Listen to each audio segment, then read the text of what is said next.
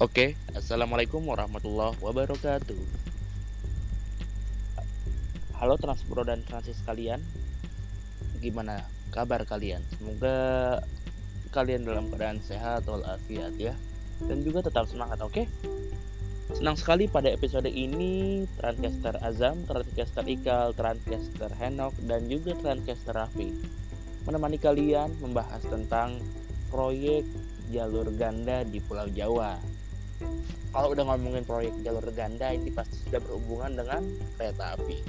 Nah, kalau dari pandangan gue sendiri ya soal proyek jalur ganda itu merupakan proyek yang ya bisa dibilang sebagai proyek besar untuk mempermudah efektivitas perkeretaapian di Pulau Jawa mulai dari penumpang, logistik, dan lain sebagainya. Nah, gimana sih pandangan dari transcaster transcaster transport lain? Nah kita mulai dari transcaster Henok oke bagi gua proyek double track itu bisa dibilang mempercepat lalu lintas kereta apian di Pulau Jawa khususnya. Karena apa? Kompensasi single track sendiri kan mau nggak mau kita masih nunggu-nungguan gitu nunggu kereta yang daerah timur terus nunggu kereta yang daerah yang barat gitu. Nah dengan adanya double track sendiri tidak ada hal seperti itu jadinya. Jadi nggak nggak saling tunggu menunggu gitu di stasiun di stasiun silang gitu. Nah tapi permasalahannya gini apakah double track itu bisa diaplikasikan ke semua kontur wilayah gitu kan? Soalnya kan lintas apa lintas Purwakarta Bandung sendiri kan emang sulit gitu untuk diaplikasikan double track. Ya. Seperti itu kok dari gua. Oke. Mantap juga pendapat dari Transcaster Eagle mulai dari prasarana sistemnya dan juga dimulai dari penumpangnya juga dibahas. Nah sekarang kita ke Transcaster Raffi yang merupakan juga masternya gitu bisa bisa kita bilang ya. Nah menurut pandangan Raffi soal DT nih sekalian bolehlah jelasin jelasin uh, izin melanjutkan nih yang udah teman-teman bahas terkait jalur ganda apa atau sering disebut DT atau menjadi double track. Jalur ganda yaitu di mana jalur kereta api di suatu wilayah itu berjumlah dua yang di mana jalur tersebut untuk arah laluan kereta hulu maupun hilir. E, manfaatnya itu banyak bisa dibilang banyak.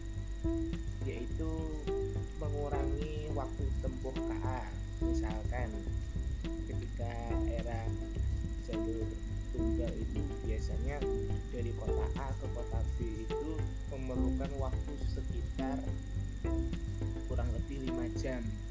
Begitu adanya jalur ganda dari kota A ke kota B waktu tumbuhnya berkurang atau lebih cepat. Bisa menjadi tiga jam atau tiga jam setengah. Itu juga kembali lagi ke pemberhentian kereta yang melaju di petak rute tersebut. Dan juga manfaat lain dari jalur ganda itu juga dapat menambah volume perjalanan KA di jalur tersebut. Yang awalnya per hari ada misalnya perjalanannya 200 perjalanan dari kota A ke kota B setelah adanya jalur ganda bisa 300 mungkin 400 perjalanan dari kota A ke kota B. Dengan mempertimbangkan aspek-aspek tertentu untuk menempatkan eh, slot perjalanan KA di suatu lintas juga sebelumnya yang paling utama tuh mengurangi persilangan seperti yang sudah disebutkan transcaster transcaster sebelumnya. Ya di mana jalur tunggal itu kereta harus lewat secara bergantian ya baik yang dari arah arah dulu maupun arah hilir jadi nggak usah lagi barengan tapi setelah adanya jalur ganda kereta dari arah dulu maupun arah hilir itu bisa melintas secara bersamaan tanpa harus menunggu di salah satu stasiun terdekat. terkait pembangunan jalur ganda sendiri itu banyak sekali aspek-aspek yang harus diperhatikan yang utama yang biasanya itu kondisi kontur tanah jadi menyesuaikan juga misalnya kontur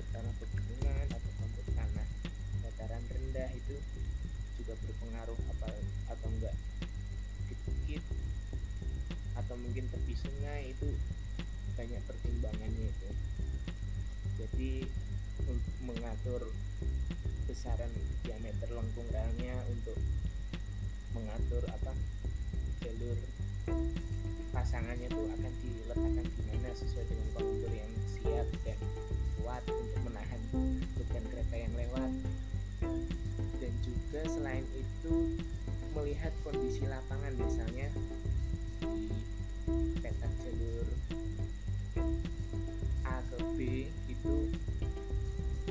sewaktu jalur tunggal itu kanan kirinya banyak perumahan.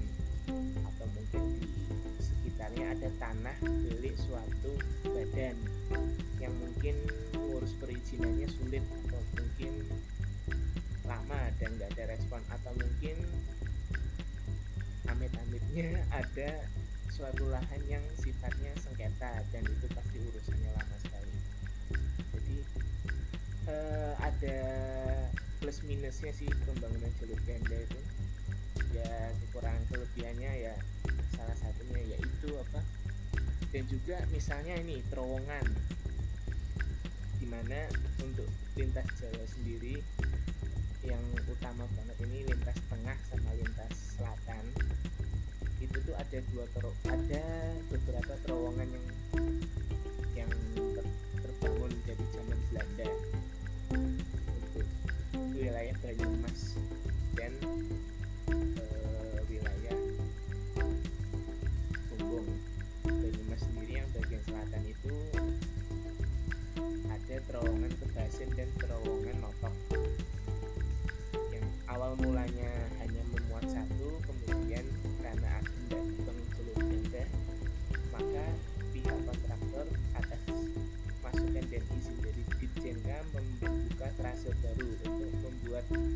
terowongan baru yang dapat memuat dua jalur sekaligus sehingga eh, proyek jalur ganda dapat berjalan dengan semestinya dan kereta bisa melaju tanpa hambatan apa pun.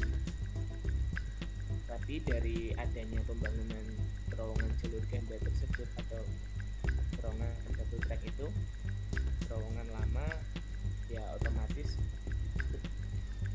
yang lama ditutup dan ditetapkan menjadi cagar budaya. Serta untuk menghindari hal-hal yang tidak diinginkan biasanya terowongan lama ataupun jembatan. Jembatan juga ada yang misalnya contoh jembatan Serayu itu ya awal mulanya hanya memuat satu jalur saja. Kemudian akan dibangunnya jalur ganda dibuatlah jembatan baru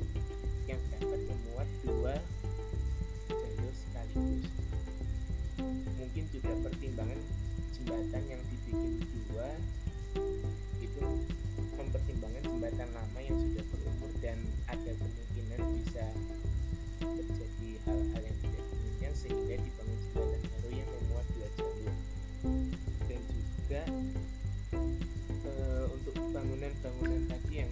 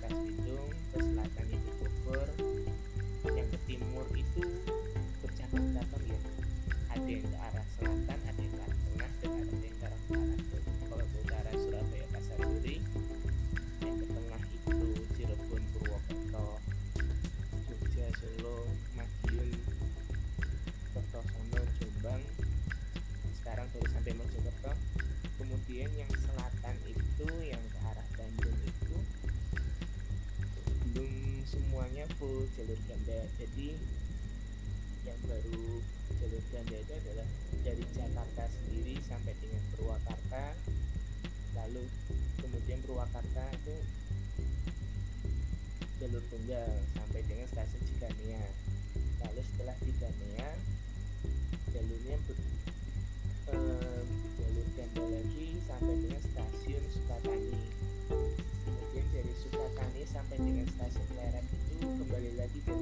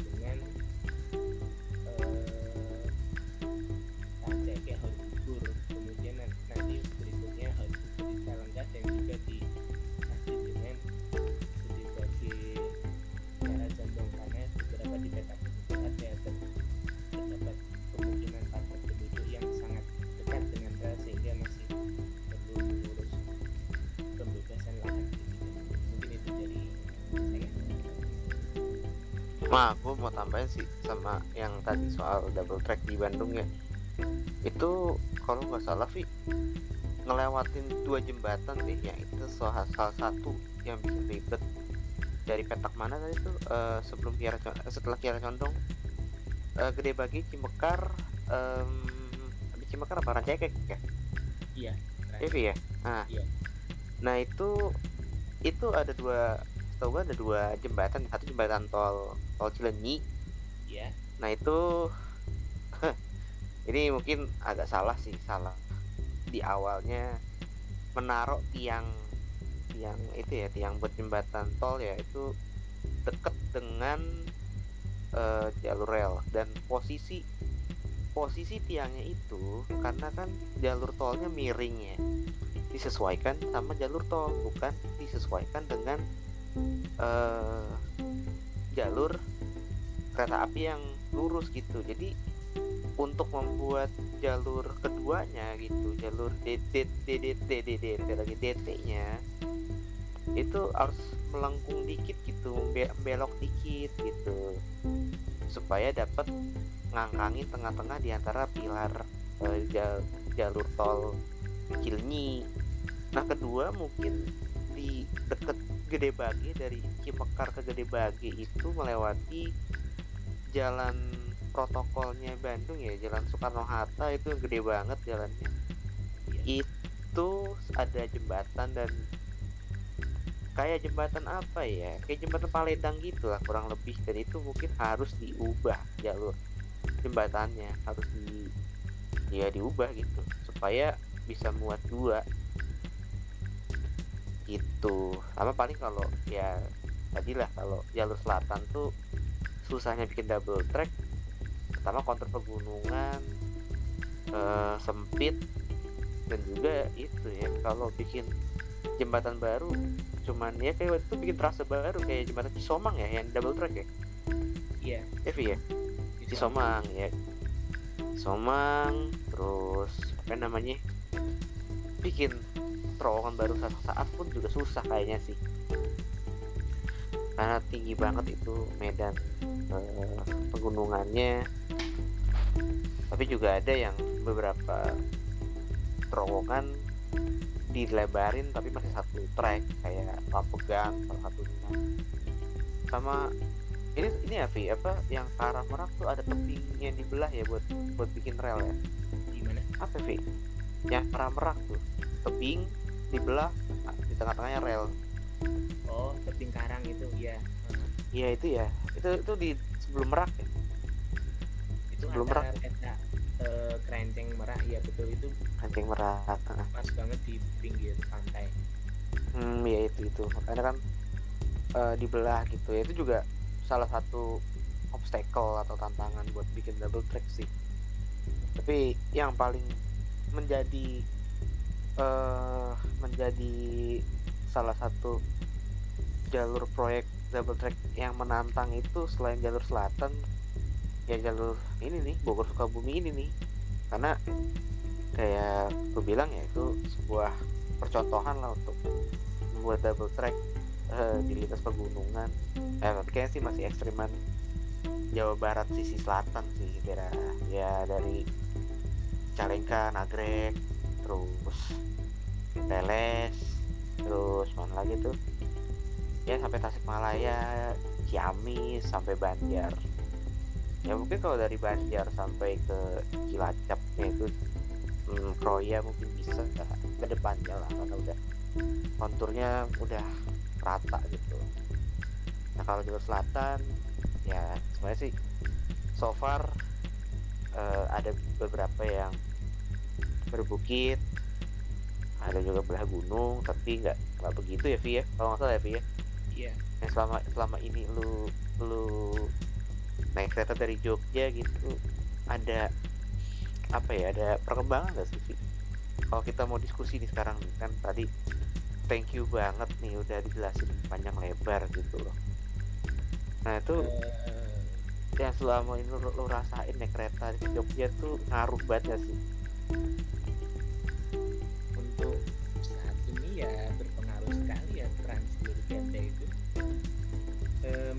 membantu untuk memperlancar perjalanan KA, mempersingkat waktu dan mengurangi yang namanya persilangan.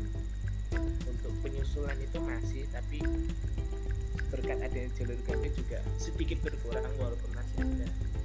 Tapi Mhm. yang eh, baru aja terjadi nih ya awal tahun kemarin itu kan peta antara stasiun Linggapura dengan stasiun Bumiayu kan terjadi musibah salah satu jembatan jalur gandanya itu ambrol akibat adanya banjir bandang apa yang salah. Pokoknya banjir bandang arusnya deras sekali sehingga fondasi salah satu jembatannya tergerus banyak dan eh, nggak kuat menahan beban jembatan dan akhirnya roboh.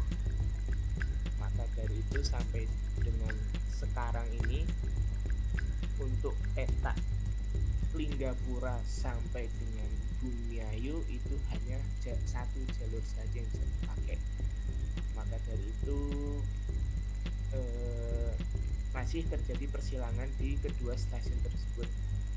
Kami kita sih Hmm. berharap itu jembatan itu segera diperbaiki sehingga dari Jakarta sampai Mojokerto via Jogja Solo Madiun itu full jalur ganda gitu. Jadi perjalanan KA itu bisa lebih cepat dan penambahan vo- volume KA juga volume frekuensi perjalanan KA juga bisa lebih banyak di slot lintas tersebut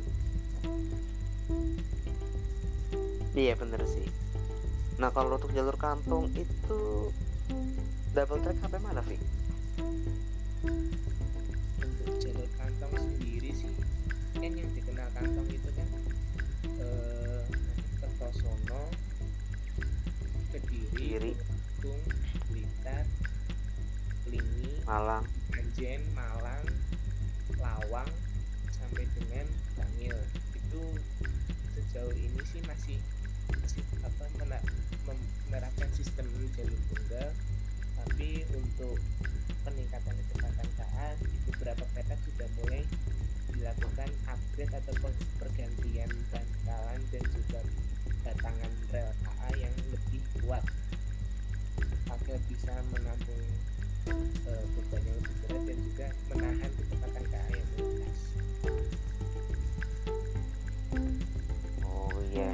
Iya sih, ya sama R54 ya. Dan ya sebenarnya masih banyak yang saat ini masih diperlukan itu lintas-lintas Jakarta Surabaya sih, entah itu lewat Semarang, entah itu lewat Jogja, Solo, Madiun dan lain-lain gitu ya. Tapi yang paling inti itu sama Jakarta Bandung sebenarnya. Nah kalau mungkin apa Sukabumi itu peruntukannya nanti ke lokal ya, Kabarnya sih setelah jalur ganda selesai itu mungkin Pangrango sempat berjalan tapi pada saat itu juga berbarengan anu elektrifikasi antara Bogor sampai dengan Sukabumi tapi bertahap Bertahap. sampai dengan Cicurug dulu atau mana lintas mana sudah siap Mm. Itu ada kabar-kabar lanjutan KRL. Mungkin lintas kalau Sukabumi Jakarta Kota panjangan kali ya. Tapi Sukabumi Bogor kali ya KRL kali. Mm. Begitu juga ini nggak sih jalur Rangkas ke Serang itu juga sama. Ada sekarang juga rencananya akan dielektrifikasi juga tapi untuk sekarang ini mereka fokus pada eh, upgrade jalur untuk jalur yang sudah di-upgrade sendiri info terakhir itu Rangkas Bitung Serang dan mana lupa pokoknya jadi Serang Serang Cilegon Merak itu sebagian besar masih jalur lama menggunakan bantalan besi dan rel bertipe R33 campur dengan R42 wow. Wow. Tipis sekali ya. menanggapi Tapi yang belum- yang tadi ini nih yang apa Hmm. jalan tol Cipularang dan juga jalan apa Soekarno Hatta yang di Bandung itu Hmm. terkait apa lahan yang hanya memuat satu jalur itu di bawahnya itu juga terjadi di Jalan Layang Ma- Mayangkara Wonokromo Kenapa tuh? itu benar-benar posisinya apa kasusnya sama seperti dua jalan ini dua jalan layang itu jadi dan jalannya itu saling menyerong sehingga eh, ruang bebasnya itu sedikit jadi kemungkinan nanti ketika pembangunan jalur ganda di bawah jalan layang yang ini apa Bandung dua jalan layang apa tol dan jalan Soekarno Hatta serta nanti di eh, Wonokromo apa jalan layang Mayangkara itu mungkin nggak mungkin kayaknya nggak untuk dihancurkan atau direkonstruksi ulang tapi mungkin akan terjadi switch over jalur jadi yang akan membuat apa rel bed yang lebih luas dan mungkin jalurnya akan disilang-silang sehingga bisa dibuat jalur ganda mengikuti kontur yang ada Mm-mm. Jadi relnya yang ngalah gitu ya. Padahal rel Jadi- duluan yang ada.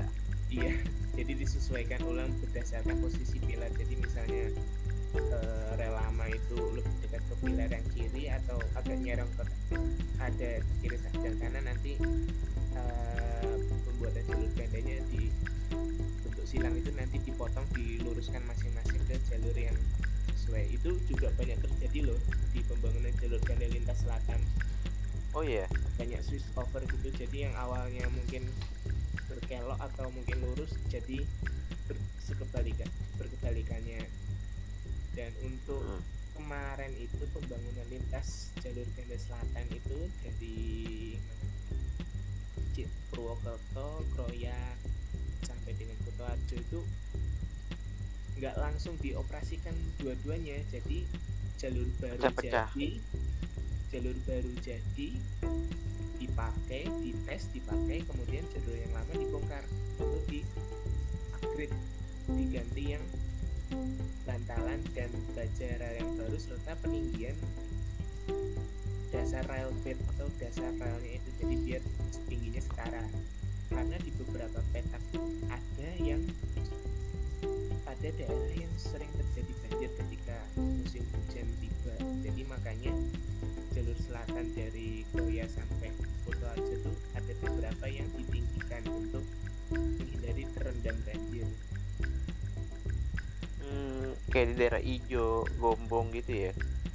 iya Katanya, katanya suka banjir. Rembun terus Karanganyar Karanganyar sama ini ya, Vi. Kalau nggak salah kan di mana ya? Di em, Notok, Notok juga eh, di lu Notok ke Basen kalau nggak salah tadi jalurnya belok dia jadi lurus kan. Trasenya berubah. iya trasnya berubah Terus eh, tiba-tiba Notoknya dulunya sebelum masuk jembat masuk terowongan ada jembatan sekarang kan dulu kayak nggak ada terus Iya. juga yang paling ikonik yang gue tahu tuh di Kebasen itu eh Kebasen atau ya Kebasen kayak yang ada jalanan di atasnya terowongan tuh jalanan jalan raya gitu. Iya betul itu nah tuh tuh, tuh di- dibagusin lagi ya. Dari yang kecil jadi gede gitu kan Hmm, jembatannya. Iya Iya. jembatan yang kecil tuh jadi center gede juga karena kan dibikin terasa jalan raya yang baru juga. Betul betul.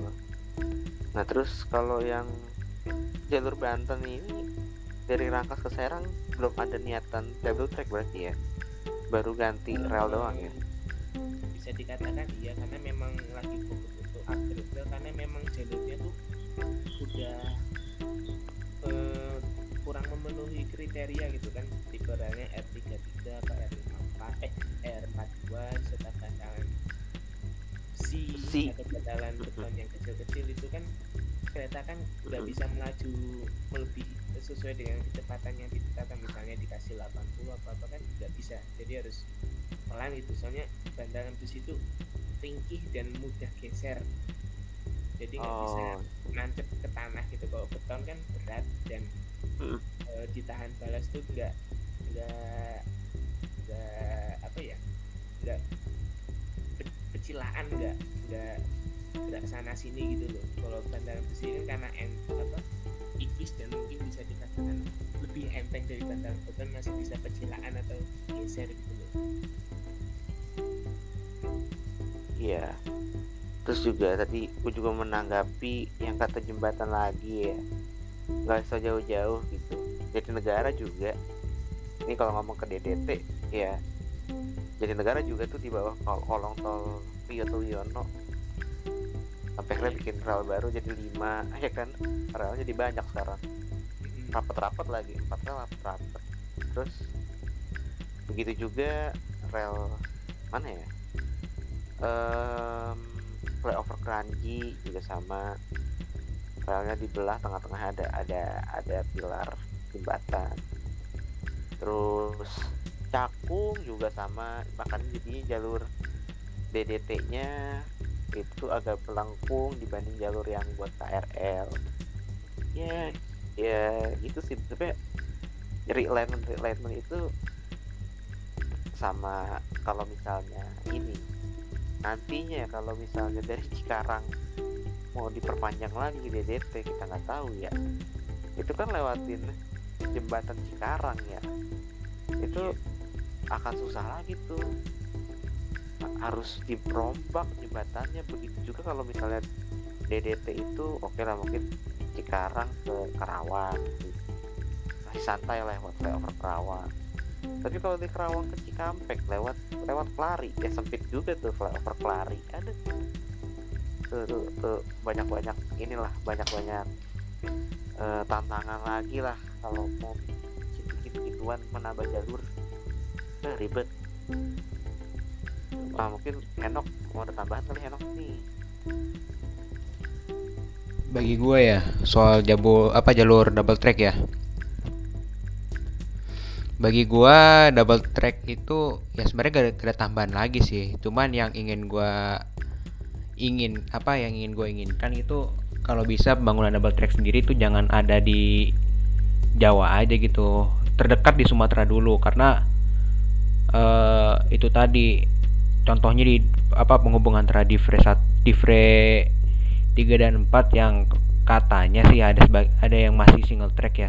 Soalnya sengganya gini loh. Sengganya kalau misalnya double track apalagi beroperasinya kereta rangkaian jarak pan jarak apa rangkaian yang banyak contohnya Babaranjang itu kan nungguin silangnya aja dia nunggu udah, udah makan waktu banyak gitu kalau dia single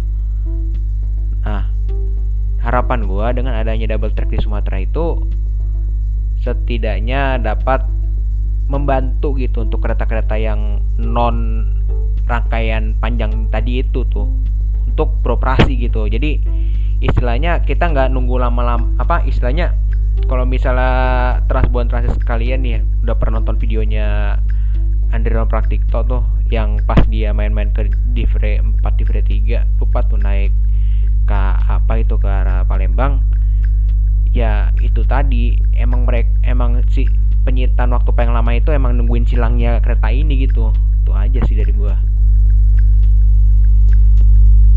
Nggak ada harapan buat Divre satu?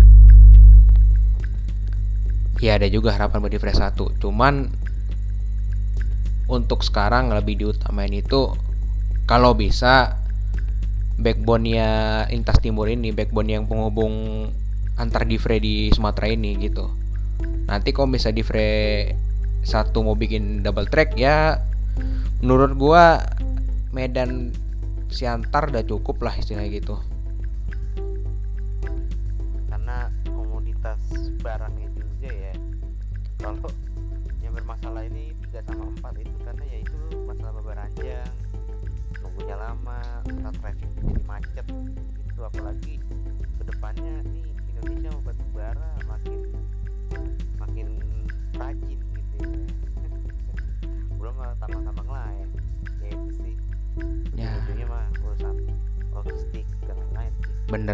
Ya, kalau logistik Jawa bener logistik. kalau Jawa kalau Jawa ya penumpang.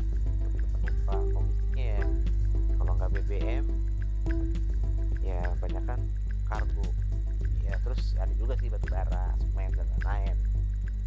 Cuman kalau Sumatera ini kan karena masih dikit ya jaringannya jadi ya itu itu yang diandelin. Masih dikit jaringannya dan juga minat masyarakat juga untuk kereta juga masih rendah gitu istilahnya. Mm-mm. Ya mungkin sih kalau gua mungkin lebih prefernya di flat satu dulu gitu ya karena punya jaringan rel yang lumayan ini sih lumayan banyak gitu. Apalagi kalau ditambah reaktivasi ya bisa jadi lah kalau di Fresa 1 menurut gua satu masih cukup ya. Soalnya komunitas yang beroperasi di Fresa 1 sendiri ya paling paling banter kettle oh. Tapi sih untuk tapi untuk menurut gua di Fresa 1 itu kan emang untuk lintasan barangnya juga masih ya paling banter kettle gitu. Dan juga nggak nggak sampai ujung ke ujung gitu. Ya contoh aja nggak sampai dari Siantar sampai Rantau Perapat gitu. Palingan kettle mentok-mentok ya Medan Kota Belawan gitu. Atau enggak ya ke daerah-daerah daerah-daerah itu daerah apa? Iya daerah kisaran bener. Bener. Nah. Kalau menurut gua prioritas pertama itu ya itu tadi yang komoditas pergerakan barangnya tuh kenceng gitu. Contoh di frame 3 di frame 3 di frame 4 gitu. Jelas. Jelas. Nah mungkin Azam mau ngasih tanggapan juga lu Zam? Sebelum diakhiri. apa ya ya cepat diselesaikan lah. Udah itu aja dari gue sendiri ya. Langsung itu Zam. Langsung oke. tutup. mungkin itu aja sih transport dan transis sharing session dari kita dari empat radcaster. Semoga bermanfaat. Soal BT double track. Tetap jaga kesehatan. Stay safe and healthy wassalamualaikum warahmatullahi wabarakatuh. Salam transportasi